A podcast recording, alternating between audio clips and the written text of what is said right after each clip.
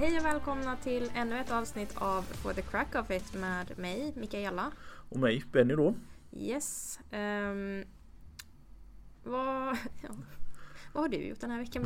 ja, eh, nu har vi en sån här speciell situation igen att vi bommade och spelade in förra veckan. Som mm. vi hade tänkt oss. Jag åkte på lite vabb på fredagen. Så vi fick ställa in helt enkelt. Men nu, nu den här veckan så ska vi ta igen det tänkte vi. Så att... Det var ju tur att vi hade ett eh, panikavsnitt redan förinspelat. Ja, det är, det är bra när man har kompetenta kollegor som dig Mikaela som tänker på det här, att man ska ha lite sådana här extra avsnitt när, när livet kommer emellan. Eller vad man ska säga. Ja, så... Vi har ju en del liv som kan komma emellan. Ja, så är det. Och ja, men annars har veckan varit ganska bra. Du har haft lite problem med, med pollen i år känner jag. Faktiskt. Mm. Det har varit mycket. Så träningen har varit lite lidande faktiskt. Jag har haft svårt att ge mig ut. Det, det här, blir irriterat. Man, det känns mer ansträngande än det brukar när jag ska mm. försöka göra någonting. Så det, det, har varit lite segt faktiskt. Man känner att motivationen tryter lite när ja, man tycker att nu borde egentligen gå bättre och bättre och istället så känner man att äh, så här, skiter undan. Ja, alltså blä. Det är verkligen rätt uttryck blä när man ska ge sig iväg. Mm. Körde någon uh, liten lättare löprunda tror jag i början på förra veckan.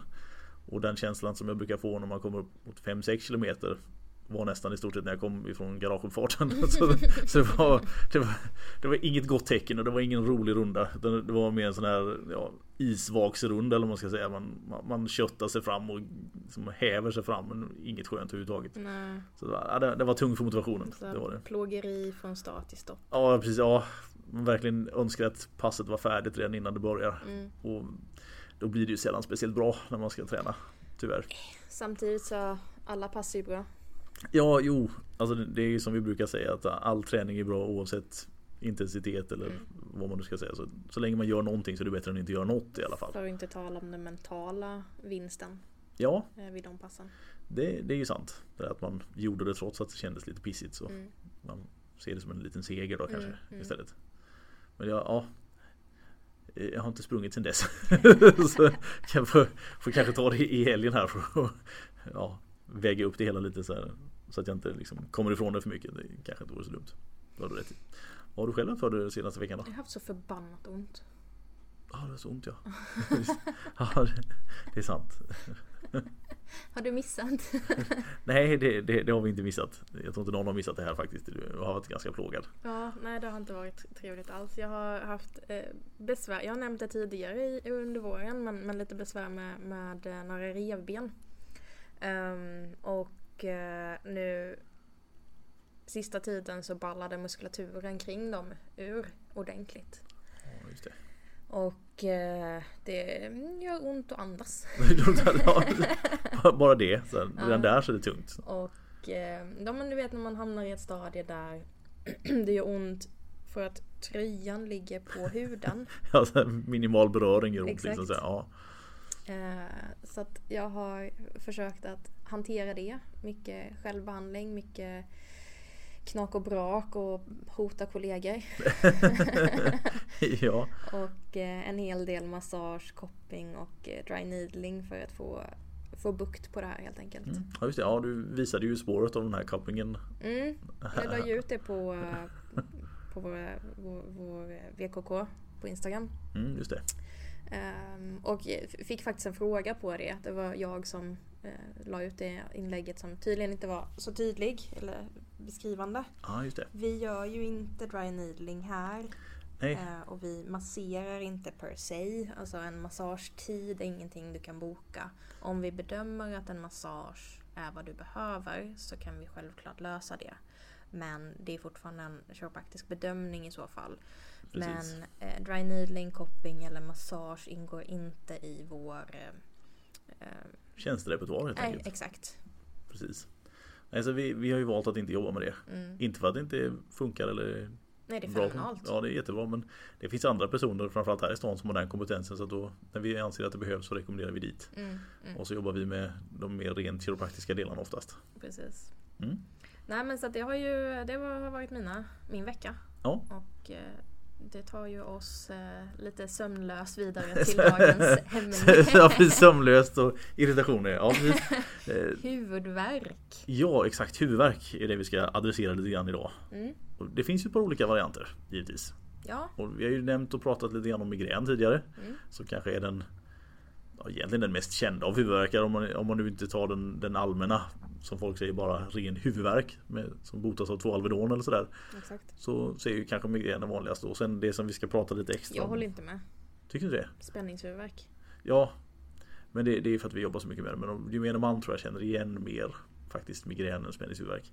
Tror du det? Ja, jag tror att igenkänningsfaktorn på ordet i sig. Ja, ordet ja. ja. Men, men rent förekomsten? Ja, helt klart. Helt klart. Men så är det så att vi har ganska många som jag tror egentligen har en spänningshuvudvärk. Men man säger att man har migrän för att ja, mm. så fort inte värktabletter funkar så bra på huvudvärken, ja då är det per automatik migrän hos väldigt ja, okay. många. Ja, okay. ja men den köper jag. Så det, jag, jag tror, det var jag som missförstod dig. Ja, det kanske inte är så att det är kliniskt sett så att det är fler som har migrän än spänningshuvudvärk. Men det är många som tror att de har migrän. När det kanske egentligen är en spänningshuvudvärk man pratar om. Mm, mm. Så, så tror jag det ligger till. Så, och de, de håller ju varandra lite grann om, eh, om ryggen eller vad man nu ska säga. Alltså spänningsvärk och migrän sådär.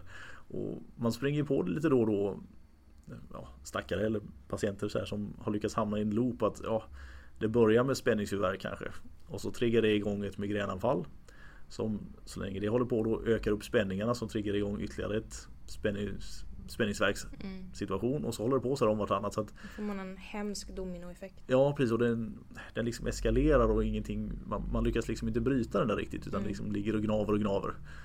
Och även om man då kanske har tabletter och sådär mot migrän och sånt som brukar kunna funka. Om man tar dem i samband med att du har spänningshuvudvärk. Då gör de ju ingenting. Alltså det, det blir ingen lättnad och försvinner inte heller. Nej.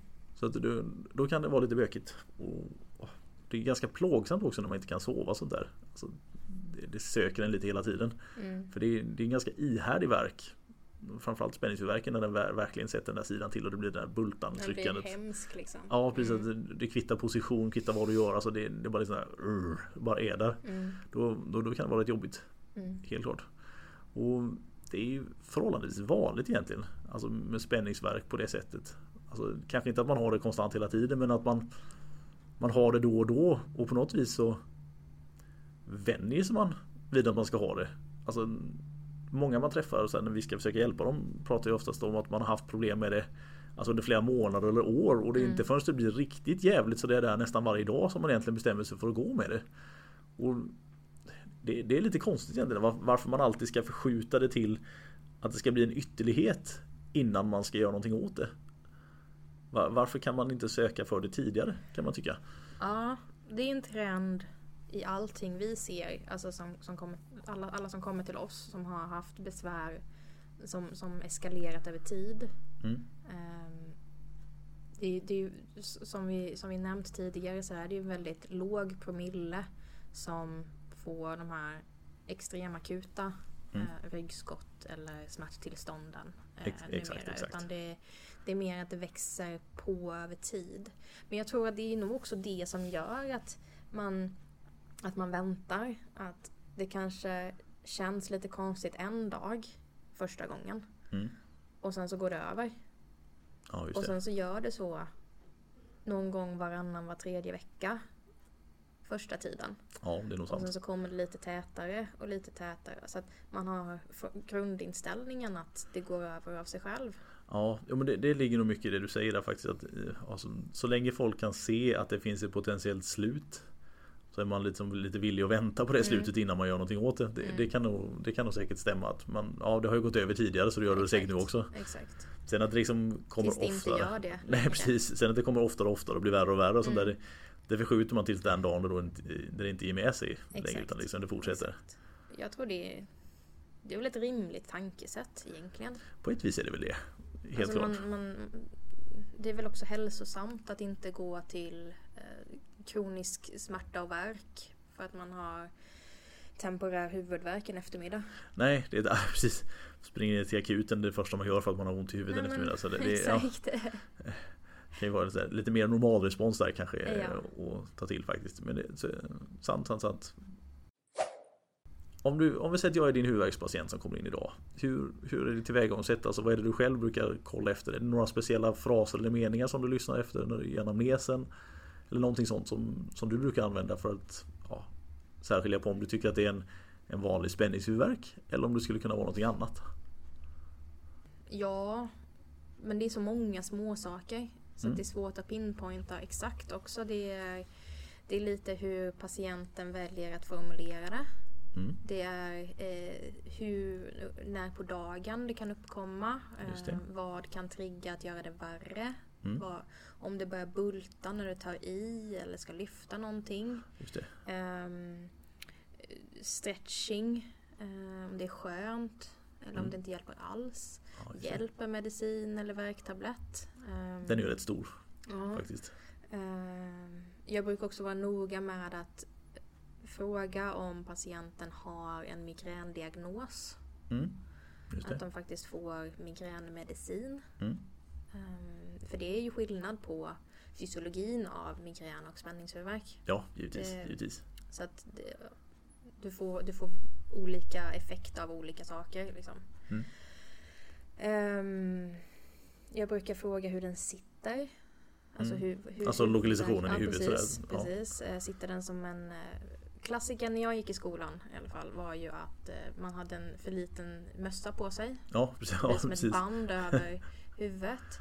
Men jag tycker ändå det jag kan se rent kliniskt här på kliniken med patienter ehm, så kan det också sitta långt i bakhuvudet, alltså när det kryper upp för nacken. Ja.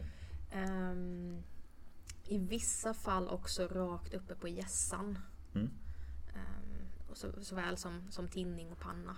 Precis. Um, jag tycker också att beskrivningen att det kryper upp från nacken och går som ett band rakt fram mot ögat. Om man säger. Följer huvudet mm. mot ögat.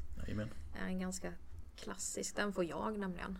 Mm, det är igen, egen igenkänning. Så. Exakt. Ja. Um, så att, ja men det är väl lite, lite sådana saker. Det, det är mycket, mycket olika. Så det är svårt att, tycker jag, att pinpointa exakta grejer som, mm. som får mig att säga bara mm, Ja precis, där, där är det. Ja. Exakt. Ja, det är helt riktigt som du säger där med, med kliniska förekomster med där, alltså smärtan kring nacke, skallbas. Mm. Och så även bakom något öga är mm. väldigt, väldigt vanligt. Det finns ju de andra variationerna som du skrev också. Och den är ju väldigt eh, alltså i, Många tänker att det är eh, migrän. Mm. Men det, i, i, min erfarenhet så springer jag på fler med spänningshuvudvärk som ger den typen av smärta. Faktiskt, det, det är sant. Men det kan ju också bero på att jag jobbar på en kiropraktorklinik. så vi får rätt mycket spänningspatienter. det är den dominanta delen är spänningspatienter. Det, jo, det är klart att referensramarna de har kanske blir lite skeva i och med att man träffar en, en viss patientkategori mer än något annat. Givetvis är det så. Så det ska man väl också ha i åtanke. Ja, ja precis. Man, man får inte bli förblindad för sina egna resultat mm. eller så. Eh, det, det jag skulle komma lite till med den här infliken av frågeställningar som jag gjorde här nu. Det är, när, när man gick utbildningen i sig så pratar man ju mycket om, alltså man får så här klara, alltså om smärtan sitter så här eller så här, mm. då är det det här. Exakt. Och när man väl kommer ut i en klinisk miljö så är det ju sällan alltså, så alltså, klippt och skuret. Alltså, mm. En och annan är ju så här, liksom, man bara, här är liksom posterboy för spänningshuvudvärk. Men mm. i regel så är det mer att man tack vare olika svar som inte är så tydliga så får, med brist på man, man får en feeling för vad man tror att det är. Exakt, alltså, det är som att pussla utan raka kanter. Ja, alltså lite så här, och det, det, det, är en, det är en viktig aspekt av att utvecklas som terapeut är att man får en förmåga av att ta in och sålla information på ett sådant sätt så att man, man förstår mönstret i det som berättas även om det inte är så tydligt som det kanske skulle vara i ett ja, examinationsfall. Ja precis, för att oftast är det så att där, där får man ju upp den exemplariska patienten liksom mm. så här, med, med, alla delar och sånt. Och det är ju inte så ofta det är så precis som jag nämnde innan utan ofta finns det ju liksom andra saker och patienter kan ju ha olika problem samtidigt så att bara för att man har spänningshuvudvärk till exempel så utesluter ju inte det att man kan ha problem med axlar och rygg och allt möjligt annat samtidigt. Och det är just det där att kunna skilja emellan var de olika problemen kommer ifrån. Just det, jag ville komma in just med huvudvärken här att man Det är en sån där typisk diagnos som är kanske en av de första när man har jobbat något år eller två när man börjar känna sig ganska säker på att man känner igen den. Mm. För att den har klassiska symptom, man har ganska många patienter med det så att kunskapsbanken kring det fylls upp ganska kvickt. Mm. Så att den, det är en, ja, för framtida kiropraktorer så är spänningshuvudvärk en sån där bra grej att ja, känna sig lite erfaren kring efter något år eller två. Det, den skapar självförtroende. Ja, men jag kan ju tycka att det var en liten luring i början också, så, så här, när, jag, när jag pluggade. Mm. Och vi gick igenom patientfall och vi bollade eh, kliniska eh, diagnoser och, och sådana saker. Mm. Så tycker jag att då försökte man ofta i skolan göra det så rent som möjligt. Mm. Alltså typ det kan inte vara någonting annat än spänningshuvudvärk för att ni ser ju här sitter det, så här beskrivs det, jada jada jada. Och för mig så blev det, alltså för mig personligen, för att jag upplevde inte spänningshuvudvärken eh, på det sättet som de beskrev det. Nej. Så blev det snarare förvirrande ah, okay. när jag pluggade. Mm. För att jag bara, mm -hmm, det upplever inte jag. För att jag får huvudvärk och jag kan bli av med den genom att massera eller trycka eller stretcha. Mm. Vilket, ja, det är spänningshuvudvärk. Ja, jag får huvudvärk ja. för att jag är spänd i muskulaturen. Exakt. Um, men ingenting av beskrivningen stämmer in på mig. Är det mig det är fel på? eller är det här en för fyrkantig modell? Ja precis, Mickey's outside the box. Så här. Ja, jag vill inte ja. skryta nu. Just i huvudvärkssammanhang. Så så här, ja, precis. Då, ja, precis. ja, nej, jag, jag kan förstå förstå den känslan som man kan få att det liksom inte stämmer in riktigt. Ja precis, och det, det kan ju vara alltså, bara en sån sak som att säga att du ska ha fyra kriterier eller fyra symptom för att det ska vara så klassas som en spänningshuvudvärk. Mm. Alltså så här, bara som exempel. Och så har patienten bara tre. Mm. Då är det som, nej men då är det inte spänningshuvudvärk. Nej då är det något annat. det måste vara något annat. Men cancer. Ja, worst! Går alltid till det värsta direkt. Är cancer. Nej, det är troligtvis inte cancer. Det tror vi inte. Åh, hemska tanke. Den... Ja, det ska vi ta. Ja, för, ja, vi ska ta det alldeles strax. Jag har en liten, så här, en så här, liten avstickare. Vi ska prata om det alldeles strax här. Just så här, dystra frågor. Men jag, jag, ska nämna ett litet fall här senare tänkte jag. Som, mm. ja, som Men eh, orsaksmässigt då? Ska vi gå, gå över mm. på det? Alltså vad, eh, vad är det som, som orsakar eh, huvudvärken utöver spända muskler? Ja, alltså, alltså, I grund och botten så har man ju oftast Alltså det är ju spänningen, det, det kommer ju namnet, alltså spänningshuvudvärk, alltså spänningar är det I som... Vardagen. Ja, alltså vadspänningar, alltså, nej. Men det är ju framförallt spänningar kring, om man säger nacken, skallbasen och skulderna som är alltså problemet. Ja, det är en bitch. Ja, och det, i de allra flesta fall som vi springer på här så börjar ju problemet någonstans i skulderområdet mm. och sen stiger det upp längs med nacken upp till skallbasen och så mm. får man huvudvärken. Och det är de här klassiska man jobbar vid en dator eller något annat sånt där lite för mycket. Man har man tränar inte som man borde, man rör sig inte som man borde överlag utan antalet statiska timmar blir för många i mm. förhållande mm. till någonting annat. Precis. Och då, då, blir det fel va? Uh, och över tiden övergång till någon form av gam slash skärmnacke. Ja exakt. Alltså man, man klarar inte av att hålla positionen utan man blir liksom hängande i positionen lite grann och då får man ju det här statiska momentet att man ska Istället för att man är i positionen så ska man hålla sig i positionen mm. och, och, då, då kommer saker och ting och bli överansträngt helt enkelt. Exakt. Så är det.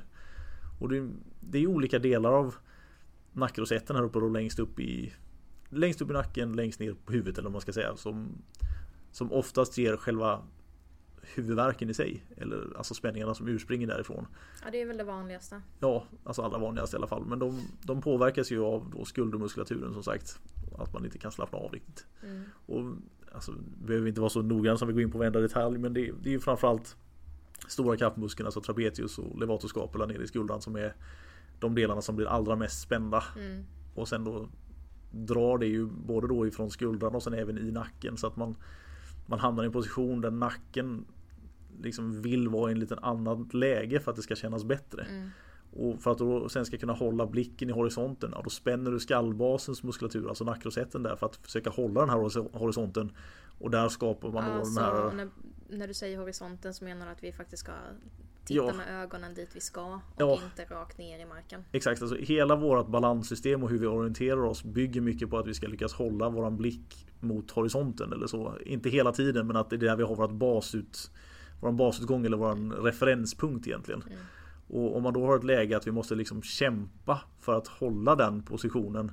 Det är då det blir fel för då får du aktivitet som är mer än bara under tiden som du då kanske belastar det. Alltså det blir ju kvar där. Mm. Och det är det som skapar det här spänningsläget då på sikt. Alltså det är hela tiden. Mm.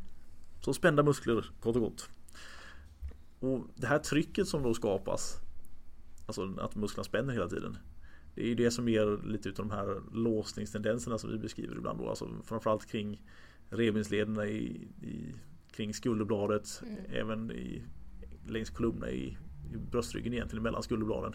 Och sen även upp i nacken. Då. då. Ja precis och så även upp i, i nacken och på vissa ställen. Sen kan det vara olika om det är så att det inträder först eller senare. Men har man haft det längre tag så spelar inte det så stor roll om det var muskulaturen eller leden som började bråka först. För det är så pass ja, intertwined eller så i varandra så att man måste liksom behandla båda delar för att det ska få det att funka i alla fall. Ja. Så att, att då säga att ja, men det var muskeln som var först eller det var leden som var först. Ja det, men det är så hönan eller ägget. Ja det spelar det inte så stor roll egentligen. Stor roll. Nej, utan du, du, måste ju bli av med, med båda problemen egentligen. Va? Mm. Och då är det ju lite manipulationstekniker som vi använder. Lite knak och brak. Precis, knak och brak som vi så kliniskt fint säger. Står i våra journaler, knak och brak. Så eh, och sen, mina gör det. Ja, det, det.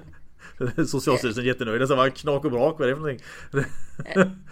Eh, ja, men alltså, man, man behandlar ju för att liksom skapa en, en bättre funktion i leden så man kan slappna av lite grann. Och sen så är det i mitt fall när jag jobbar med de här patienterna Dels kör man ju lite triggerpunkter givetvis mm. Inte för mycket men lite grann för att få igång lite cirkulation och sen Mycket stretchprogram Åtminstone till att börja med mm. Alltså för att försöka få ner trycket för det Första steget måste ju vara att försöka få ner trycket Det är svårt att träna upp en muskel som är liksom så överspänd hela tiden för att den är ju i sig själv överansträngd så att lägga mer, mer träning på den är Sällan som det ger några direkta resultat mer än att det blir mer irriterat så att mm. Börja mjuka upp det först Helt klart Kanske till och med lite extremare fall att man rekommenderar att man får gå till en massör några gånger bara för att få lite hjälp för att bryta det allra jävligaste ja. egentligen så va?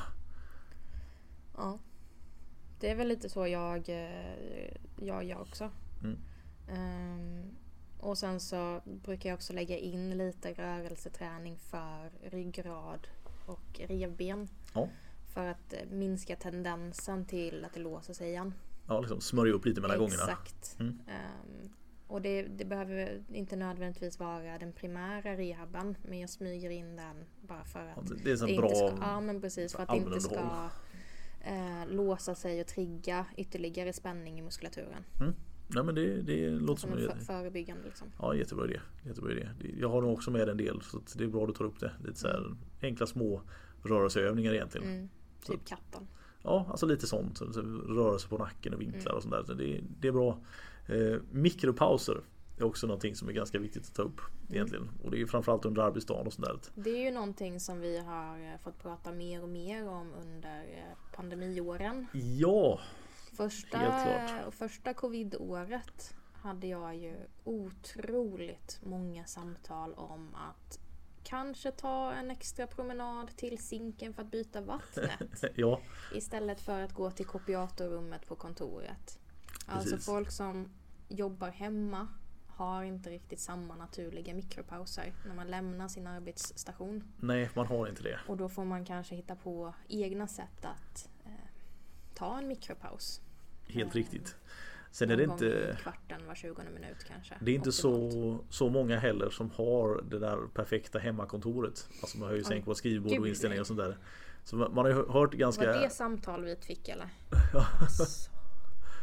vi, vi har haft så många som har frågat så här, det, det är väl okej okay att sitta åtta timmar vid köksbordet? Så här, bara, Nej. Det är så här, vilket bord man än sitter vid, vilket det må vara. Om du inte är exakt så lång som det bordet och den stolen kräver för att du ska sitta i en ergonomisk perfekt situation. Så kommer det bli fel. Men också så här typ. Vad du än gör i åtta timmar i sträck är kast. Ja, precis. Alltså, här, kroppen är inte gjord för att vara statisk på det sättet. Vi är gjorda för att röra på oss. Vi ja. har inte förändrats så jäkla mycket sen vi levde på savannen, tyvärr. Nej. Teknologin har ändrats jättemycket men kroppen inte lika mycket. Nej, det, den går ju mer, det, alltså kroppens utveckling går ju inte så mycket i år utan det är mer generationer Exakt. det går på. Så det är ett långsamt förlopp när det ska ändras. Precis. Och det påverkar ju alltså det påverkar ju oss otroligt mycket i dagens samhälle när vi har väldigt mycket statiskt arbete och att vara stilla. Ja. Vare sig du sitter i en bil eller på ett kontor eller på en klinik. Ja precis, exakt alltså, på en klinik. Ja. Det, det ändrar inte att man måste vara lite i rörelse. Mm, helt riktigt. För att må bra. och då är det ju mikropauser eller kanske som jag brukar säga den bästa ställningen är nästa ställning. Ja, precis. Ja, du behöver exakt. inte sitta perfekt eller stå perfekt. Du behöver inte vara perfekt, bara du varierar det. Precis, och det, jag har till och med fått vissa patienter som jag har fått be att de ska ställa in larm på sina telefoner. Mm. För att de, de, är så, de, de vet med sig att de fastnar så mycket i det de gör så att om det inte är någonting som piper till och säger att nu måste du flytta på dig Då är de där tills ja, typ lunchen eller vad man ska säga. Det är alltså fyra timmar nonstop i samma position. Mm. Och det är, det är jäkligt länge om det nu ska vara statisk belastning under hela den tiden. Att du inte av det. huvudvärk. Nej egentligen inte. Egentligen. Det, det är nästan som man kan tänka sig att du har klarat det här i två år innan det blev så här illa. Ja, ja, precis lite så här. Det borde nästan blivit dåligt på en gång. Men det är, ja, alltså just, just pauser och sånt. Det är otroligt viktigt. Jag tror att vi hade, det var, jag kommer inte ihåg var jag hörde det här någonstans, men det var någon som pratade om någon sån här duktighetsprincipen. Eller något sånt där, vad de pratade om. Och jag förstår inte först vad var, men det var nästan bara en liten så här rolig mening i sig. Men de tog det som exempel var att när man då jobbar hemma så istället för att man går iväg på lunch till exempel Så värmer man sin lunch, ställer den vid datorn och så jobbar man vidare. Ja just det. Så att ja. du, du, alltså, du är så duktig så du tar inte ens en paus utan du, tar i, du liksom stoppar i dig mat medan du jobbar. Mm. Och, alltså, det, nog för att det är, är trevligt att höra att folk liksom Engagerad. engagerar sig i sitt jobb och sådär. Mm. Men det blir ju liksom på en sån nivå som man liksom Dumbass! Liksom såhär, ta din jävla rast rent ut sagt. Man, man behöver vara ledig eller gå ifrån lite grann på en dag. Man Ja. ska inte liksom sitta och beta Ja, det på vet sådär. du. Det var ju Ja. typ tre timmar. Ja, ja t- in, in, tre, två timmars lunch har jag numera faktiskt. Nu ska vi inte överdriva. Så Okej. Två timmars lunch. Ja det, det blir lite kasta sten i glaset för mig för det har jag också. ja, precis. Men vi har förstått principen att vi, vi går oftast iväg och tränar på lunchen. Yes. Jag har dessutom så att en hund som jag måste cykla hem till och kunna gå ut ett par kilometer med på lunchen och sen tillbaka. Så att man får tack vare det lite naturliga avbrott Mm. på dagen. Så att det är inte alla som kanske har det så lyxigt men det är inte så att vi sitter här och degar runt i två timmar utan vi har ofta saker vi ska iväg och göra samtidigt fast det är Ja. någonting annat än det kliniska arbetet i alla fall. Exakt. Men Ja, du hade ju, du ville ta upp någonting där om eh, worst case scenarios. ja lite så. Jag hade tänkt, eh, ska vi ta lite träningen först kanske? Nu har vi pratat stretchingen så kan vi ta fallet Ja, efteråt. Så vi, vi, lite, lite, lite träning här. Mm. Och här finns ju olika saker man kan göra. Dels har vi nämnt det lite innan att liksom aktivera. Bara, Mm. bara rörelser i sig. Alltså så här, spänna, slappna av, spänna, slappna av. Och mycket Alltså träning just för att bli av med spänningshuvudvärk och sånt där är ju att lyckas fokusera så att rörelsen hamnar Eller aktiviteten hamnar i rätt område egentligen. Ja. För om vi tar som exempel bara en vanlig hedlig roddövning egentligen. Man står med ett gummiband i dörr på, eller med ett dörrhandtag och drar lite grann för att aktivera. Vänta, förlåt. Var är du i normal träning eller i rehabträning nu? Nu, är det rehabträning som jag Okej. tänkte. Så Du, du, du ger rodd som rehab. Alltså jag bara tar den som exempel nu här för att, få, för att komma in i var fokuseringen ligger någonstans. Och har man problem med spänningsverk så har man ofta svårt att inte dra upp sina axlar. Alltså att man, man spänner så att även om du gör någonting som egentligen ska aktivera kanske mellan skulderbladen eller längre ner mellan skulderbladen så är det svårt att utföra den övningen korrekt för att dina skuldror vill så gärna smyga upp emot öronen. Och det, det är det jag menar lite med fokusering här. att De övningar som man gör kanske oftast behöver vara lite lättare än vad man tänker sig. Bara för att man ska lyckas träffa rätt och för att Ja, man ska kunna ja, men- fokusera på att Precis, då är jag med dig. För jag, Ja. jag brukar nämligen aldrig ge rodd i rehab av den anledningen. Nej exakt och det Det var därför jag... precis. Och Mm. det, jag gör det inte heller men det är ett bra sätt att förklara på det här att man måste liksom försöka slappna av samtidigt som man gör det. Det. Annars är ju risken är att ja, men nu har jag kört rodd här så har du spänt axlarna hela tiden så nästan spett på huvudvärken mer än du har gjort den bättre. Precis. Tyvärr. Ja men då, då, då är jag med din, din tanke. Eh, sen är, bygger det mycket på att man ska ha fått ner trycket då. Så att säga att vi har kört lite stretching och sånt här ett tag så att det har Mm. blivit mjukare. Sen börjar man då lite lätt träning för kuffarna till exempel. Alltså rotationsövningar brukar jag köra lite grann. Så här standard. Mina axel... Ja, Utåtrotation i ja, axelled. utåt, ja precis. Inte, inte rotation nacke utan Jag tror när, när du säger kuffarna så Ja, ja blir det otydligt Ja e- exakt. Så det är axlarna som man kör lite rotation för det hjälper till att få tillbaka axlarna lite grann. Mm. Eh, Och sen även pilbågsövning brukar jag Mm. köra lite ibland. Det är liksom för att få fokus på nypet mellan de övre delarna av skulderbladen lite grann. Mm. Och det, då är det bra att använda. Vi, vi kommer nog kanske lägga upp en liten bild på det här sen också. Yes. Så, man, så man ser vad, vad, det, vad det är som menas. Och det är för att man ska få riktningen att bli rätt. Alltså man ska sikta in sig rätt som det så fint mm. heter. Så det brukar jag köra och sen lite faktiskt armhävsövningar är inte helt ovanligt att jag kör heller. Faktiskt. Ofta så kanske lite lättare mot vägg först. Bara för att kunna få det här att man ska kunna göra en, en aktivering någonstans utan att axlarna ska spännas. Så att det blir mycket fokus på att ja, men du gör armhävningen mot väggen men du ska lyckas hålla dina axlar nere. Och även klämma ihop mellan skulderbladen under tiden som man gör det. Den är rätt elak. Ja, det är lite så. Men den... Eller mot väggen. För, ja. ja, fast den tycker jag fortfarande är elak. Det är svårt att göra en armhävning mot väggen utan att typ eh, få en konstig vinkel i nacken. Yes, och helt riktigt. En armhävning är också ganska högbelastande om man ska göra den eh, traditionell, alltså mm. på tå och händer. Exakt. Eh, på golvet. Eh, så den, den, är, den är elak. Den är, den, är, den är elak och den har ett, ett underliggande motiv egentligen. Och det är att jag använder den även som lite diagnostiskt verktyg för patienten i sig. Att när de kan göra en, en sån här, om man nu säger en armhävning med bekväm teknik för nacken och allt sånt här. Då är man oftast inte clear som man säger. Så då, mm. då har man mm. kommit så pass långt så att ja, men nu, nu är du inte i riskzonen. Så skulle du slarva lite nu så kommer det inte vara hela världen. Men innan man kan göra det så bekvämt som möjligt. Alltså att man känner att om jag håller ner axlarna, jag får nypet jag vill och jag lyckas hålla vinklarna rätt. Då finns alltid den här risken att det kan smyga tillbaka. Mm. Men uh, nu är jag ännu mer nyfiken på uh, mm. worst case som du ville ta upp. Ja.